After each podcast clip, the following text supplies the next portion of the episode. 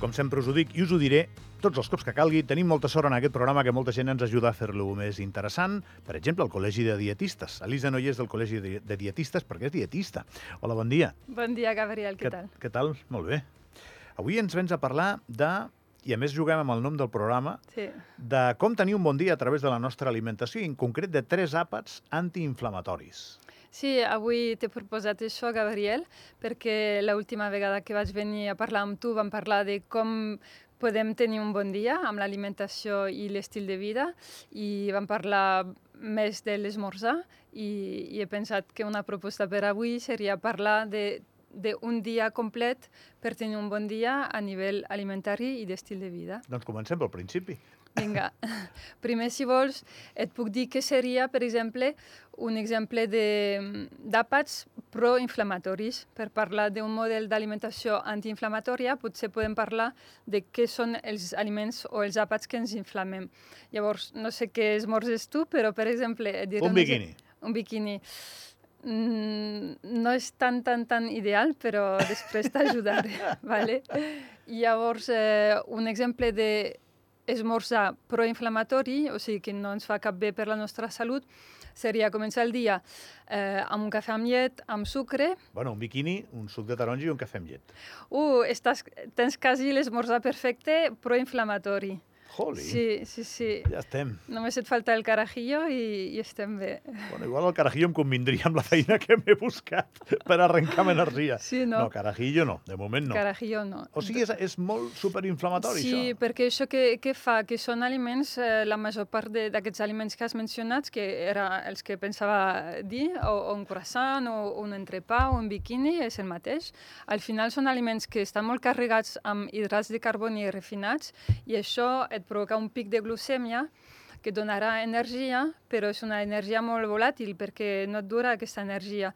I llavors després tindràs el famós baixón de, le, de les 10 de la, de, del matí i després De les tindràs 10, gan- de les 10.47. de les 10.47. I després, ara és l'hora que diries, ostres, ara sí que un cafelito amb un croissant sí que entraria molt bé.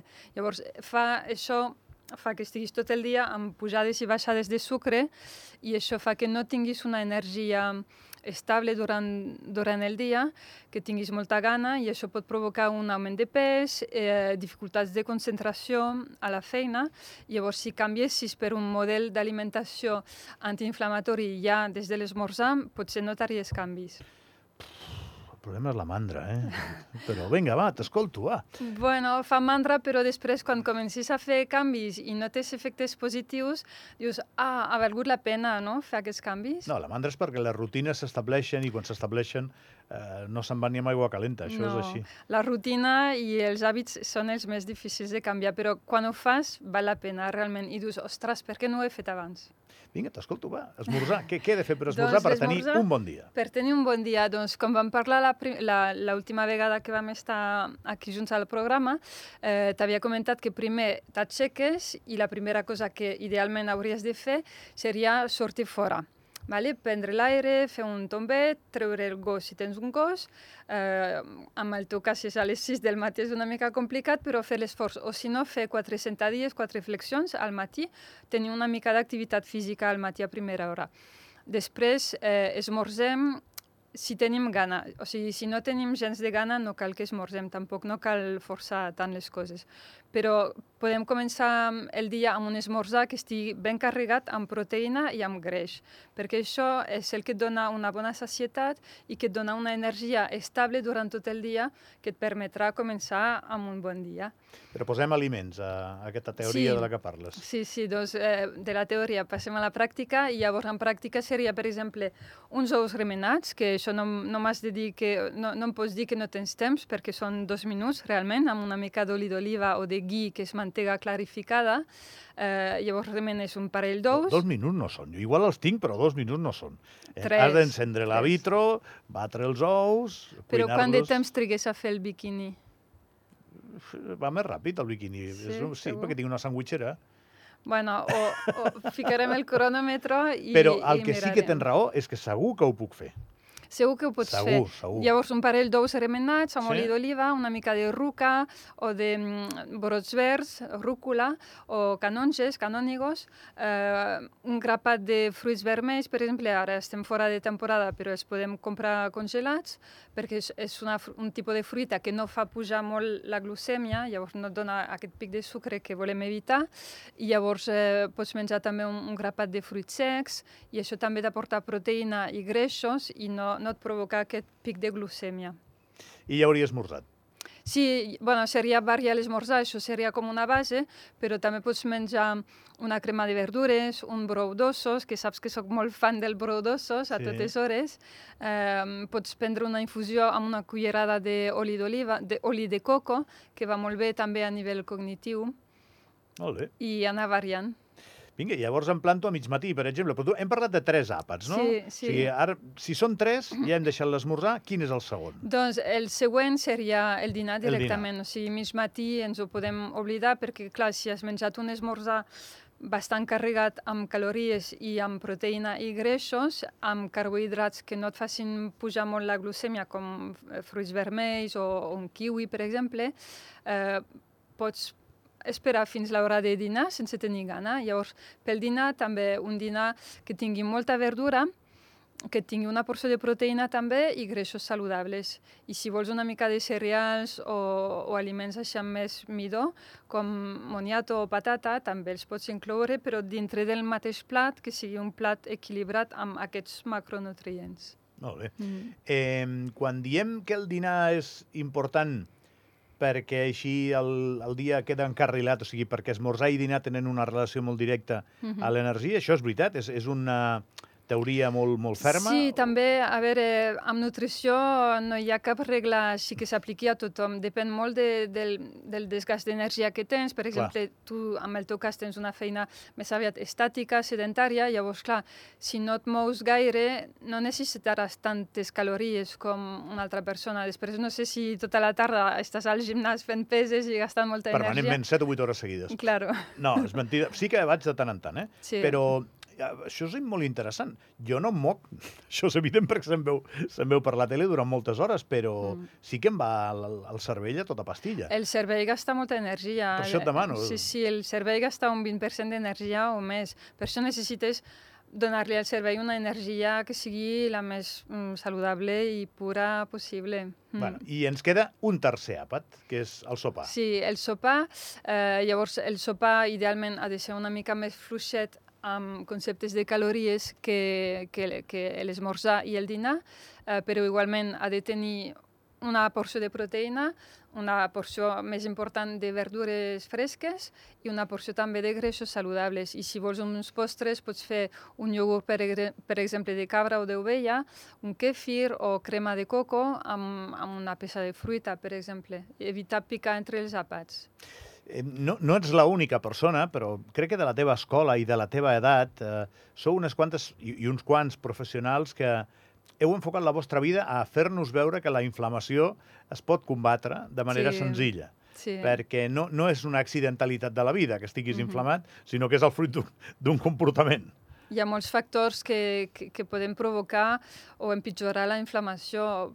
Podem tenir alguna malaltia autoimmune, com és el meu cas, llavors ens hem de cuidar el doble de les altres persones, eh, però també la inflamació pot aparèixer eh, a través d'unes pautes d'alimentació no gaire saludables durant molts anys, un, un sedentarisme, o sigui, no fer activitat física, no estar en contacte amb la natura, tenir carències a nivell nutricionals, de vitamines, minerals, eh, menjar malament o te, haver tingut eh, infeccions o malalties o també traumatismes emocionals o psicològics, això influeix molt. Tu ets conscient que hi ha un, un lèxic que va apareixent a la nostra vida i que a vegades no, no, no hi era. A- Aquest, per exemple, aquest és un molt bon exemple. Jo, jo crec que no, no es parlava de menjar inflamatori o antiinflamatori. Mm.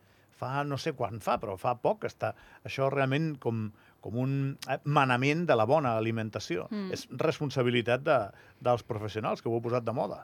Sí, jo, jo crec que tampoc no és cap invent, no? El- el- L'invent de la... O sigui, el, el tema de la inflamació i de l'alimentació proinflamatòria i l'alimentació antiinflamatòria vol dir que amb el temps hem anat eh, adquirint mals hàbits alimentaris, perquè tenim tot aquest, aquest aquesta indústria de menjar processat que no ens, no, no ens ha fet cap bé.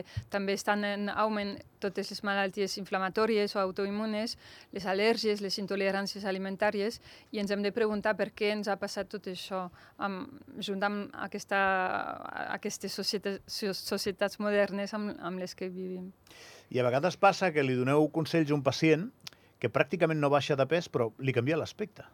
Sí, perquè s'ha desbotit, no? Sí, a mi, o sigui, jo, per exemple, a la consulta no peso la gent, no, no fico les persones a una balança que es pesin, eh, els demano el seu pes i l'evolució del pes. Si tenen com a objectiu baixar de pes, però no és el meu objectiu número 1. El meu principal objectiu és que les persones estiguin amb salut i que s'alimentin bé i tinguin un, un estil de vida saludable. Mm. Molt bé. I el dimoni són els processats? És sí, així, eh? jo diria, bueno, tampoc hi ha res bo ni dolent, sempre s'ha de veure el conjunt de l'alimentació. Pots tenir una alimentació molt equilibrada i de tant en tant, si vols menjar un biquini de manera molt puntual, te'l menges, però no hi ha aliments bons i dolents. Però, clar, és millor evitar els aliments processats en general, eh, els aliments amb sucre, aliments, eh, moltes farines, l'alcohol, per exemple, i una vida sedentària. Jo pensava que el biquini era bo pel matí, perquè hi havia, jo havia llegit que el formatge és bo, me'l faig amb gall d'indi, no me'l faig amb pernil, que mm. diuen que també és bo. Jo estava convençut que feia bé. Bueno, tot això són aliments processats o ultraprocessats, perquè, clar, estem parlant de pa blanc, perquè no sé amb quin pa ho fas, amb un que d'espelta, sí? O com es diu això? Bueno, espelta és, és igual que... és el mateix que el blat, però una mica més... sembla més saludable, però al final no... És el mateix, són farines refinades, Uh, el formatge, no sé quin tipus de formatge fa servir, però l'ingredient principal d'aquest biquini és el pa, el pa blanc, el pa refinat, i això et fa pujar la glucèmia. I el, el guide industrial, que vols que et digui? Mirar, mirar les etiquetes i a veure quants additius porta. Amb algun portarà, sí. Sí, algun portarà millor... Però, però no, no, millor puc, no puc tenir un gall d'indi i, no, mata, no. i matar-lo cada matí. No, no, això, millor evitar-lo. Però sí que et pots fer un parell d'ous germinats amb una, una mica de pernil, una mica de llom, yeah. eh, uns, uns brots verds, eh, un iogurt de, de cabra, i amb només aquests canvis i una bona hidratació també, sobretot. I això sí, bec molta aigua, eh? Això vale, sí. però fora dels àpats, millor, perquè així no interfereixes amb els sucs digestius i, i el procés de digestió. Així que... I si fem aquestes coses que ens ha dit eh, aquí la professional, doncs tindrem un bon dia. Sí, sí, Sí, sí, esperem. Sí, sí, fem tot el, el possible per, per tenir un molt bon dia. Alice, una última pregunta. Digue'm. Trobes correspondència en els pacients amb això? És a dir, ells Eh, et segueixen, et creuen? Eh... Sí, sí, la majoria sí. Hi ha una part dels pacients que, que no apliquen les pautes per X motius, però els pacients que apliquen les pautes realment no tenen un abans i un després i no volen tirar endarrere. I quan ja han establert les pautes noves ja estan convençuts. Mm. Ens ha acompanyat la dietista Elis de Noyer parlant-nos d'aquests tres àpats que són que estan indicats per tenir un bon dia i així llavors podreu començar cada dia dient que avui serà un bon dia. Sí. Gràcies, Elis. Gràcies, Roni, eh? Que vagi molt bé. Que vagi bé. Nosaltres ho deixem aquí un momentet. Ens queda una hora i és tan bona com les anteriors. No toqueu la ràdio d'on la teniu.